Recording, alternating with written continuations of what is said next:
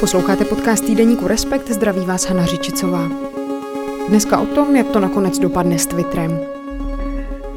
People here in Silicon Valley are rubbing their eyes with disbelief. Because unless you've been taking a break from social media, you've probably seen the headlines that Elon Musk has finally entered an agreement with Twitter to purchase Twitter the company. isn't the most used social media site in the world, but it is hugely influential. Elon Musk purchased Twitter this week. Tesla stock fell by 11%. Well, he wouldn't be the first person to get distracted from his job by Twitter. Že si ho nejbohatší člověk světa Elon Musk hodlá koupit, už víme. Má nás to ale znepokojovat? Je Twitter skutečně tak globální síť, že závisí na tom, který oligarcha ho zrovna vlastní? A existuje nějaký ideální způsob, jak sociální sítě demokratizovat, abychom se na tom, jak vypadají, mohli skutečně podílet? A stojíme o to vůbec? Mluvím o tom s redaktorkou Respektu Bárou Chaloupkovou a kolegou Tomášem Brolíkem. Ahoj. Ahoj. Ahoj.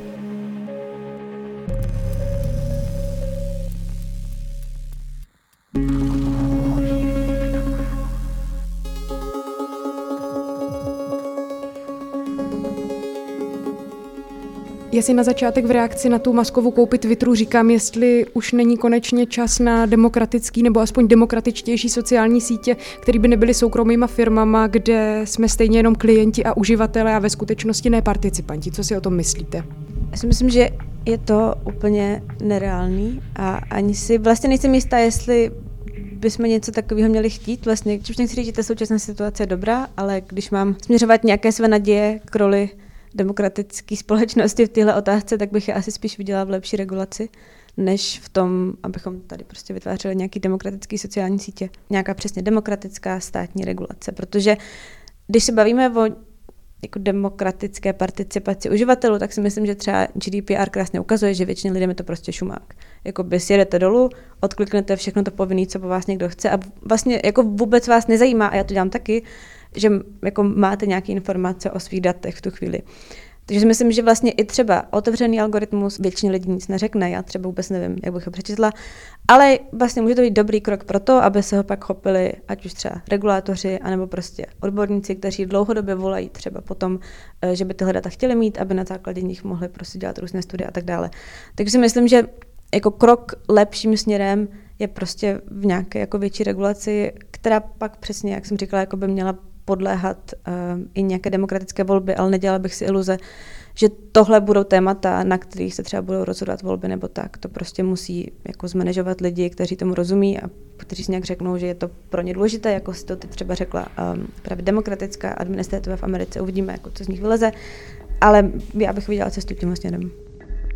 Já si říkám, nakolik je vlastně Twitter vůbec globální síť, protože když se podíváme do Česka, třeba je tam zhruba něco přes 400 tisíc uživatel z České republiky. Určitě má početnou uživatelskou základnu třeba ve Spojených státech nebo v Británii, ale jak moc je vlastně Twitter globální síť? Máš pravdu, že není tak globální jako někteří konkurenti, jako třeba Facebook, co se týče počtu uživatelů.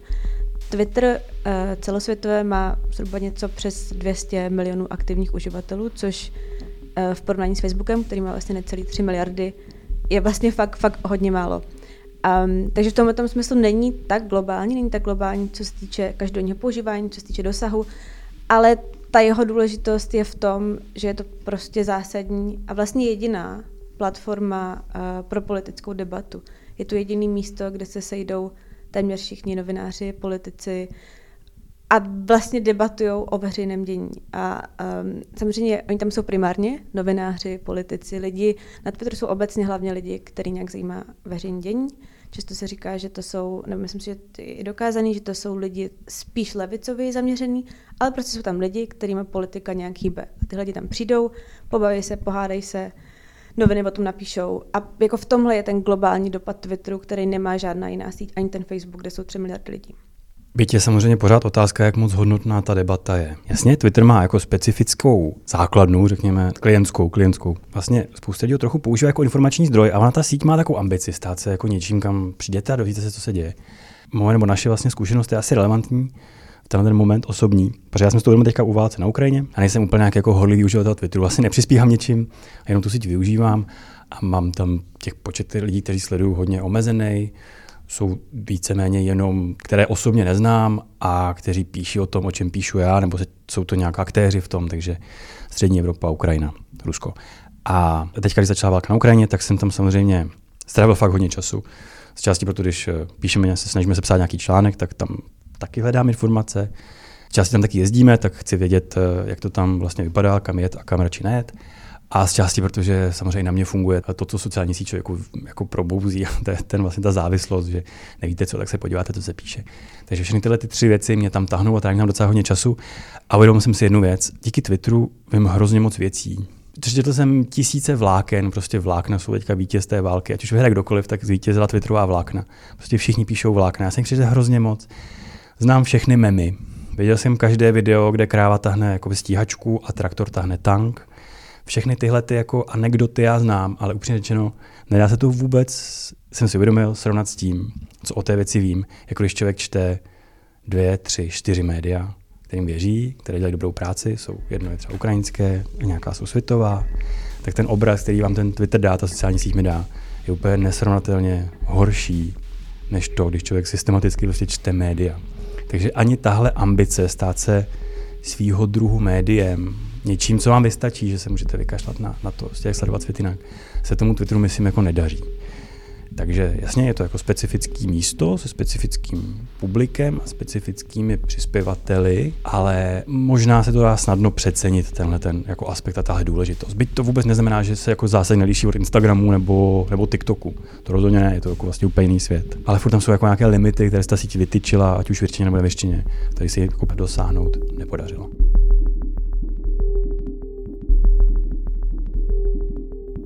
Ono se Twitteru nedaří víc věcí, nedaří se mu získávat eh, větší množství nových uživatelů, nedaří se mu vydělávat peníze, nedaří se mu potýkat se eh, s problémy, které obecně sociální sítě mají, jako s dezinformacemi, s nenávistnou řečí a tak dále. Ale zatím si myslím, že se ukázalo, že ta jeho specifičnost v tom záběru a v tom, jaký typ diskuze nabízí, tak prostě mu pomohla přečkat v té formě, v jaké je dneska všechny tyhle ty nedostatky. Prostě lidé z ní neodcházejí, nějak ta síť pořád funguje, i když má přesně všechny tyhle problémy. A to je to, o čem Musk mluví, že podle něj Twitter má potenciál k tomu být jako mnohem, mnohem větší, mnohem úspěšnější a on ten potenciál chce využít, což je samozřejmě na debatu, ale jen bych chtěla doplnit, že ta jako unikátnost toho, co Twitter nabízí, tak vlastně se zatím ukázala jako silnější než všechny nedostatky Twitteru. Co to ve vás vyvolává za otázky? Když jste se poprvé dočetli nebo dozvěděli, že Elon Musk kupuje Twitter, tak eh, jak vy tomu rozumíte? Znepokojuje vás na tom něco? Vlastně nás na tom asi může znepokojovat docela velká spousta věcí, třeba nějaký jeho, dejme tomu, pojetí absolutní svobody slova. Můžeme si říkat, že to je zlej miliardář. V celkovém pohledu na Twitter asi, myslím si já, můžeme o tom klidně diskutovat, jde pravděpodobně o docela marginální změnu, nebo myslím si, že až tak nezáleží na tom, kdo třeba eh, z nějakých miliardářů nebo oligarchů trochu tuhle tu síť vlastní. Ale mě tak nějak jako znepokojuje spíš asi ta skutečnost, že nějaký miliardář utratí 4 až 40 miliard pro to, aby si koupil nějakou sociální síť, která vlastně ani neprosperuje, není nějak jako výdělečná, přesně jak ty si zmínila, místo toho, aby třeba, nevím, ukončil hladomor, snažil se poradit si s environmentální krizí nebo bezdomovectvím, nebo tak. Takže znepokojuje vás na tom něco? Samozřejmě existují miliardáři, kteří se snaží ukončit hladomor, environmentální témata a tak dále. Můžeme zmínit třeba Billa Gatese. Akorát si myslím, že tady narážíme na problém, že máme pocit, že některé věci patří miliardářům, aby řešili svoji soukromou iniciativu a některé ne. Protože Kdybych teď trochu zahrála ďábla advokáta, tak si myslím, že vlastně něčím je sympatický, že tady máme miliardáře, který přijde a řekne, mě nejde o peníze, mě nejde o zisk, mě jde o zlepšení společnosti. Tak to Musk prodává. Musk říká, že chce, zlepšit svobodu diskuze, že chce zlepšit prostor, v jakém lidi spolu můžou komunikovat. A to vlastně objektivně samo o sobě je docela chválihodný cíl. Myslím si, že jako princip to není něco, co by se mělo kritizovat. Že naopak jako potom často voláme, že chceme, aby lidé, kteří mají zdroje, prostředky, aby se neřídili jenom tím ekonomickým motivem, jenom tím motivem vydělat co nejvíc peněz. Ale zároveň si myslím, že tady platí to, co jsme říkali předtím, že narážíme na to, že Twitter a sociální sítě obecně jsou už dneska nějaká veřejná infrastruktura, která ovlivňuje, jak naše společnosti fungují a, a vlastně jako ovlivňuje do takových následků, že pak je zcela legitimní mluvit o tom a vlastně i kritizovat si myslím, že teď to bude mít v rukou jeden jednotlivec. Pak se můžeme bavit o tom, do jaké míry on bude muset samozřejmě podléhat uh, různým regulacím, jaká bude role ať už třeba amerických regulátorů nebo evropských regulátorů. A samozřejmě ještě si myslím, že musíme říct, že ta transakce, ten prodej Twitteru se ještě nestal a existují scénáře, že se prostě nestane, že do toho někdo Muskovi hodí vedle, ale pokud to koupí, tak Twitter bude jeho. On bude s Twitterem moct udělat úplně, co chce. A to je podle mě ta otázka, jakože on se pustil do podniku, který je braný jako sociální služba, jako veřejná společenská infrastruktura a to je podle mě ten problém, ne to, že on jako člověk s obrovskými zdroji přijde a řekne, že chce zlepšit společnost. To si myslím, že naopak je něco, po čem dlouhodobě voláme. Zároveň to není žádný velký zlom nebo nějaké hrozné novum, protože tu ořád větší sociální síť vlastní taky nějaký miliardář, který už je dokonce prokázaně zlý. My to všichni víme, ta firma je zlá, dělá zlé věci. Elon Musk, o něm si můžeme myslet lecos, že to není sympatický člověk, což možná asi není, bez pochyby je jako mnoho zajímavý a fascinující, ale není to sympatiák. Tak ale jako není prokázaně jako na hraně zločinnosti, což, což Facebook prostě mnoho, mnoho, mnohokrát dělá a baví se o tom, takhle u stolu, jak sedíme my, tak se prostě vlastně cynicky baví, říkají, no tak tohle jsou sice nějací mrtví lidé, ale tohle jsou nějaké výnosy a to se nám vyplatí. Pojďme pokračovat v tom, co děláme. A takže to jako není zase jako nic, co by úplně otočilo to, co se, to, co se ve světě sociálních sítí sítí děje. Jak řekl Tomáš, můžeme se bavit o Rupertu Murdochovi, miliardář, kterém, pod který patří Imperium Fox News, Jeff Bezos, největší Muskův konkurent, co se týče jejich jako závodu v dobývání vesmíru, tak před nedávnem koupil deník Washington Post. Musk tomu není unikátní, to trend. Co to vlastně je za trend, nebo jak rozumíte tady tomuhle tomu trendu, že čím dál víc jednotlivců, bohatých jednotlivců, kupuje média, sociální sítě a různé platformy a jako jednotlivci ovlivňují a utvářejí společenské dění, že už to zkrátka třeba není nějaká firma, která vyrábí nějaké výrobky, ale je to zkrátka firma, která vyrábí nějaké mínění. Je v tom asi víc faktorů, si myslím. Možná uh, levicoví kritici si myslím, že by namítli uh, nebo by v tom viděli to, že se sešlo, sešlo se období, v kterém jako historicky v posledních letech, 10, 20, 30 let, tak uh, v západních společnostech existoval trend, že stát prostě začal méně regulovat veřejný život. Stát se stáhl trochu z toho veřejného prostoru. Regulací bylo méně a to je období, v kterém zároveň prostě vznikají tyhle ty platformy, vznikají sociální sítě. Takže v okamžiku, kdy se sejde to, že stát je ochotný do toho méně zasahovat a vzniká ten nový prostor, který je prostě otevřený pro to, aby se v něm vydělalo hrozně moc peněz, tak pak samozřejmě bohatí lidé to vnímají jako investici, která se jim vyplatí. Zároveň si myslím, že je vidět, a já nevím, čemu to přičíst, ale myslím si, že vzrůstá ambice lidí zasahovat. Teď myslím, bavíme se o bohatých lidech do prostoru kolem nich. Vidíme to i na tom případu třeba Maska a Jeffa Bezose, kteří spolu závodí o dobývání vesmíru, což zase je nějaký nový prostor, který se otevřel. Před 30 lety bychom asi těžko uh, mluvili o tom, že je tady možné prostě komercionalizovat lety do vesmíru, že je možné uh, mluvit o tom, že budeme kolonizovat Mars, což je něco, o čem uh, právě specificky Elon Musk mluví. Jsou to prostě, myslím, že je to spojit, to jsou nové prostory, které se otevřely a státy teď obecně trochu zápolí podle mě s tím, eh, jak tomu přistoupit, jak to regulovat, jak to neregulovat. Zda by to mělo být něco, v čem má hlavní slovo stát, zda by to mělo být necháno prostě soukromé soutěži, kapitalistickému pojetí. A myslím že to je jedna z těch největších otázek.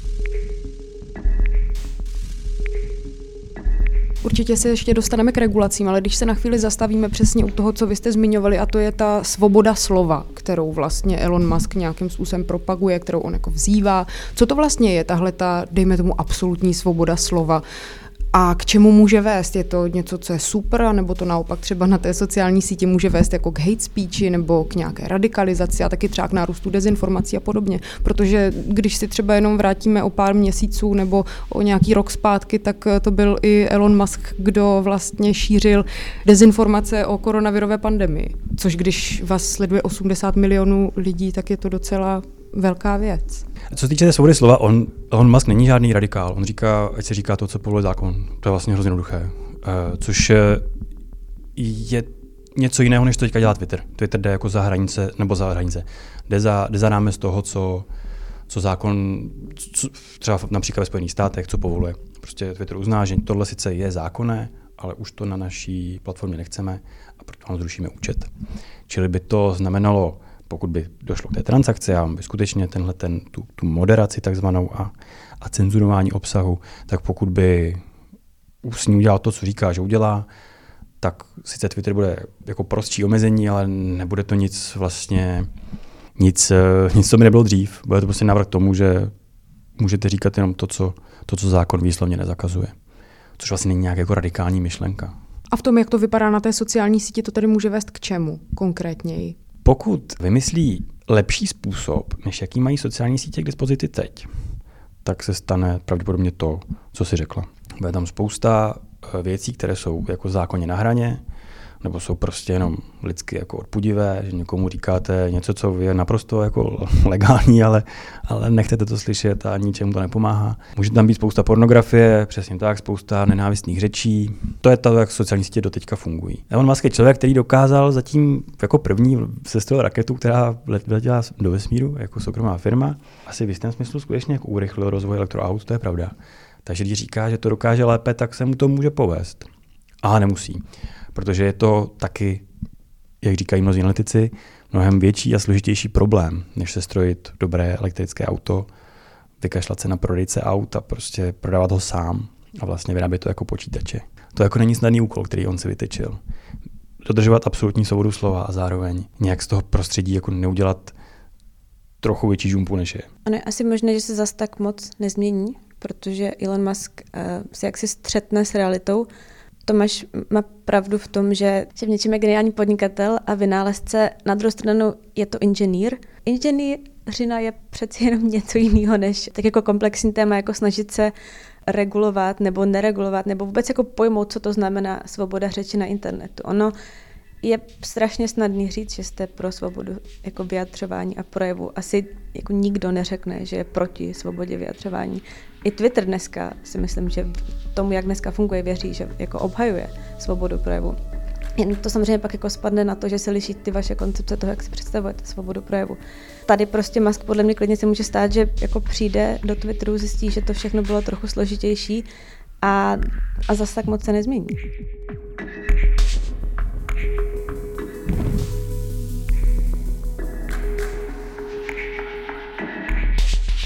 Myslím si, že to přesně souvisí s tou otázkou těch regulací, protože pár dní předtím, než Elon Musk oznámil, že kupuje Twitter, tak Evropská unie přišla se změnou zákona o velkých platformách a uložila společnostem provozujícím sociální média povinnost monitorovat a odstraňovat škodlivý obsah. A pokud ty společnosti tak neučiní, tak jim uloží nějaké vysoké pokuty.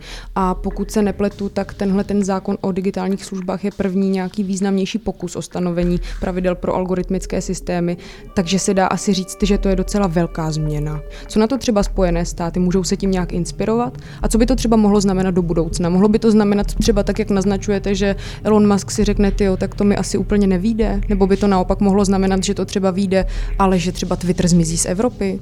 To je přesně velká otázka. Jednak Spojené státy se určitě můžou inspirovat. Já jsem teď byla dva dny v Bruselu v Evropské komisi a tam, co se přesně týče, třeba když jsme eh, se tam bavila o digitální regulaci, tak tam zaznívala vlastně veliká spokojenost s tím, že současná americká administrativa, jak si se do Bruselu jezdí inspirovat. Je tam intenzivní kontakt a vztah mezi, mezi Washingtonem a Bruselem právě jako v téhle otázce. A je otázka, co se podaří prosadit v USA. Uh, oni vlastně by měli, myslím si, za několik měsíců přijít, uh, nebo mluví se o tom, že by Spojené státy měly přijít s vlastním návrhem regulace.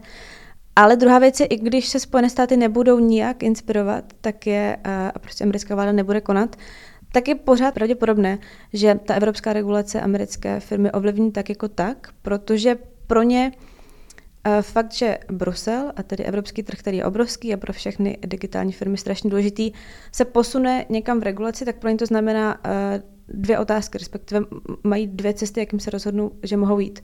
Buď vytvoří speciální regulační rámec jenom pro evropský trh, který bude odpovídat těm evropským regulacím a v Americe to budou dělat jinak, což je ale hrozně složitý, a vyžaduje to prostě, abyste fungovali dvojím způsobem, což je drahý a to prostě nechcete, když jste velká společnost.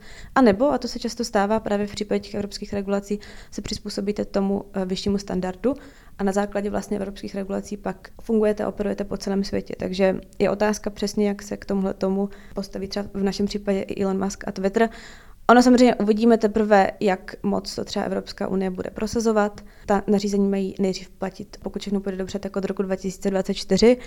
Takže je to všechno ještě trochu před námi, ale tohle je určitě něco, co Elon Musk bude muset řešit. Je otázka, jestli vlastně vůbec ví, o co jde, jestli nad tím někde přemýšlel a tak dále.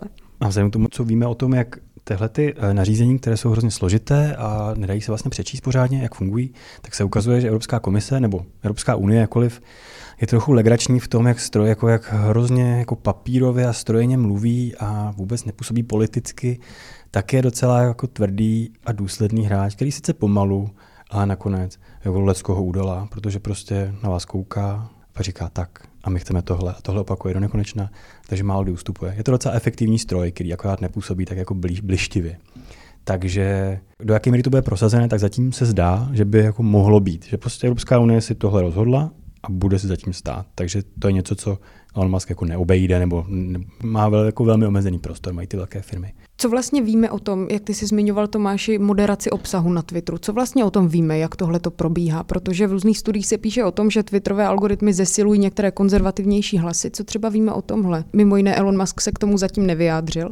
Jaký postoj Twitter pod jeho vedením zaujme k moderování obsahu? Twitter ruší účty, které porušují jeho pravidla. To je prostě hrozně jednoduché. Jsou to desetice účtů. Ta čísla těch účtů, které mizí, což to jsou jakoby, takové falešné účty, které prostě vyrábí eh, nějaké továrny na ovlivňování mínění světového veřejného. Takže to je tenhle ten hlavní nástroj toho moderování obsahu. To, co jsi zmínila, tak je pravda. Takhle, Twitter říká, že neví, čím to je. Protože algoritmus je prostě velice složitý stroj, do kterého něco hodíte a on něco vyplivne. Vy jste to sice strojili, ale přeci jenom to skutečně jako vyspělá početní technika není tak snadno prokouknutelná, není to úplně spalovací motor. Takže Twitter říká, je to pravda, ukázalo se, že politici z pravé strany politického spektra skutečně jsou trochu protežovaní naší, naší sítí a my bohužel nevíme, čím to je. Je otázka, jestli to skutečně tak je. Jestli skutečně Twitter neví, jak to, že jeho algoritmus takhle pracuje a pak s ním něco dělá, nebo jestli něco tají, to je možné. Ale je to pravda, to je zatím to, co o tom víme. Slíbil nápravu. Ale v momentě, kdy nevíte, proč se něco děje, tak se to trochu obtížně napravuje. Takže v jaké fázi tahle, tohle odhalení nebo zjištění z loňského nebo předloňského roku je, teď zatím nevíme. Ono se vlastně říká, že jedním z těch důvodů, proč ty studie došly k tomu zjištění, o kterém se tady bavíme, že vlastně lehce protěžuje Twitter pravicové názory, tak je kvůli tomu, že cílem Twitteru, jako každý sociální sítě, je, aby na něm uživatelé trávili co nejvíc času. Takže ten algoritmus mimo jiné amplifikuje nebo jako znásobuje výskyt příspěvků, u kterých je pravděpodobné, že díky nim lidé na té sociální síti stráví víc času. A jak jsem říkala na začátku, uživatelé Twitteru jsou spíš levicoví. Levicové lidi spíš naštve pravicový názor. A vlastně jedno z možných vysvětlení, na které jsem jako narazila, tak je, že zkrátka těch pravicových Um, jako příspěvku je tam víc, protože spíš naštvou levicové uživatele, kteří pak na sociální síti stráví víc času. Zkrátka, že ty pravicové příspěvky jsou schopné vygenerovat větší diskuzi, která se tomu Twitteru vyplatí. Samozřejmě je dobré být skeptický, na druhou stranu ten algoritmus nefunguje zkrátka jenom tak, jak ho Twitteroví vývojáři navrhnou, ale je to jako výsledek nějaké interakce mezi tím, jak se uživatel chová a tím vlastně algoritmem, jak ho Twitter navrhne. Takže tady asi věřím, že, že je složitý to, to celý prohlídnout, byť samozřejmě jako větší transparentnost ohledně toho, jak ten algoritmus funguje, tak by byla užitečná. Myslím si, že výsledky toho výzkumu jsou vlastně zajímavé i z toho důvodu, že konzervativci naopak, eh, když se třeba vezmeme americkou politiku, tak uh, politickou scénu, tak konzervativci se často připadají, že jsou pod útokem těch společností, že oni jsou ti, kdo jsou cenzurováni. Což myslím, že je daný i tím, že často v těchto těch prostě uh, společnostech, kde pracují vysokoškolsky vzdělaní zaměstnanci, tak tradičně prostě prostředí Silicon Valley je třeba spíš levicové než pravicové. A tam přesně jako vzniká ta veliká obava americké pravice, že ty instituce ovládly liberálové a teď vlastně se jako snaží omlčovat konzervativní názory. A myslím si, že ten pocit je vlastně posílený i tím, že ty nejviditelnější účty a nejvíc jako politicky výrazní lidé, které Twitter zablokoval, tak byly právě třeba Donald Trump, samozřejmě pravicový republikánský bývalý prezident, nebo vlastně jako absurdně konspirační momentální jedna republikánská poslankyně Marjorie Green, která Twitter také jako definitivně zablokoval účet, myslím si, eh, začátkem letošního roku. A zároveň samozřejmě na druhé straně levice je jako kritická vůči tomu, jak to Twitter dělá, protože podle nich nedělá dostatek, nechává tam pořád velké množství dezinformací, Twitter často je velmi jako nepříjemné místo, Takže Twitter nenachází moc chvály ani na jedné straně toho politického spektra.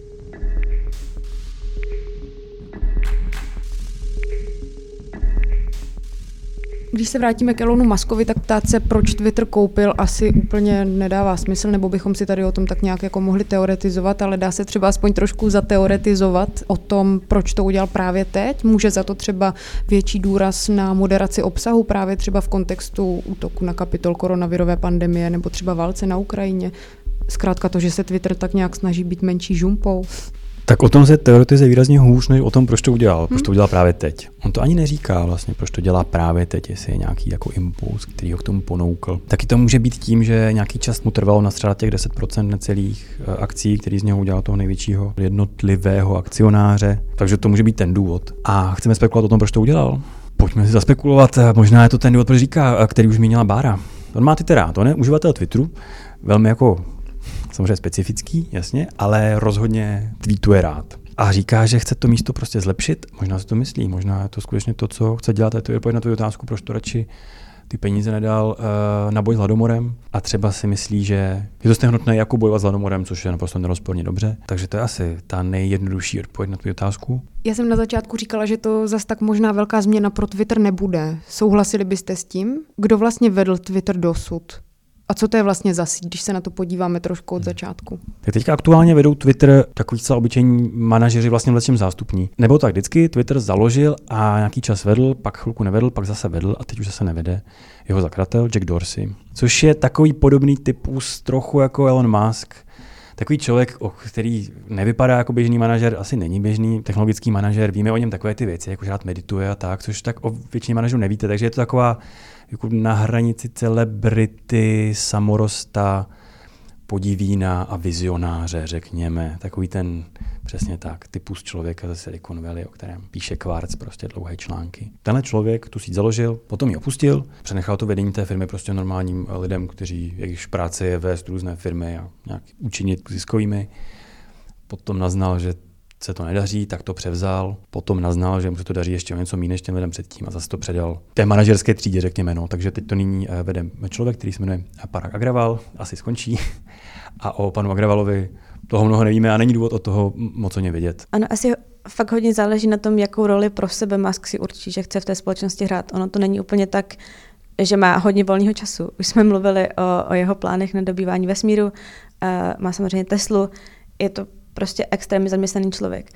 Na druhou stranu si myslím, že jak Jack Dorsey, tak uh, Elon Musk jsou jako typy podnikatelů, s kterými my v Česku úplně nemáme zkušenost. Naše prostředí, jako v našem prostředí prostě nejsou a myslím, že i proto nám přijdou tak trochu fascinující. My nejsme jako úplně zvyklí, myslím, na, na příběhy lidí, kteří třeba prostě postaví raketu, která doletí do vesmíru, nebo kteří si řeknou, tak budeme dělat jako elektroauta a prostě to časem jako urvou. Takže si myslím, že tenhle ten jako vizionářský přístup k věcem, který jako zboří hranice možného, je opravdu je to tradiční kulturní americká věc. V Americe tohle se nosí, o tomhle se mluví, v tohle se věří. A jak Dorsey, tak Musk a mimochodem jsou přátelé Dorsey s Muskem, dokonce se mluví o tom, že by Musk mohl Dorseyho uh, vzít zpátky, mohl by ho pověřit třeba dočasný vedení, to samozřejmě nevíme. Ale tahle ta jejich zarputilost a víra v to, že jako svoje vize můžou přetavit v nějaké reálné činy, si myslím, že je, je jim jako společná a pokud pro Muska je opravdu Twitter tak důležitý, že za ní zaplatil tolik peněz, jako Elon Musk je nejbohatší člověk na světě, ale to, co dal za Twitter, byť samozřejmě on si na to různě půjčil, rozprodal akcie, není to tak, že by prostě rozbil svoji pokladničku a z toho vytáhl těch 45 miliard dolarů, ale to je zhruba, myslím, šestina nebo sedmina jeho majetku. To je i pro něj strašně moc peněz. Evidentně on z nějakého důvodu Twitter chce a myslím si, že jako nemůžeme vyloučit, že to je nějaký jeho další osob, osobní projekt, do kterého se prostě naplno vrhne. Tak vám moc děkuju. Ahoj a díky. Díky, ahoj. To byly Bára Chaloupková a Tomáš Brolík. Na stáncích a v trafikách ještě pořád najdete aktuální respekt. Na našem webu zrovna tak a pokud byste chtěli třeba i výhodnější předplatné, koukněte na respekt.cz lomeno akce podcast. Naslyšenou příště. Hana Řičicová. thank you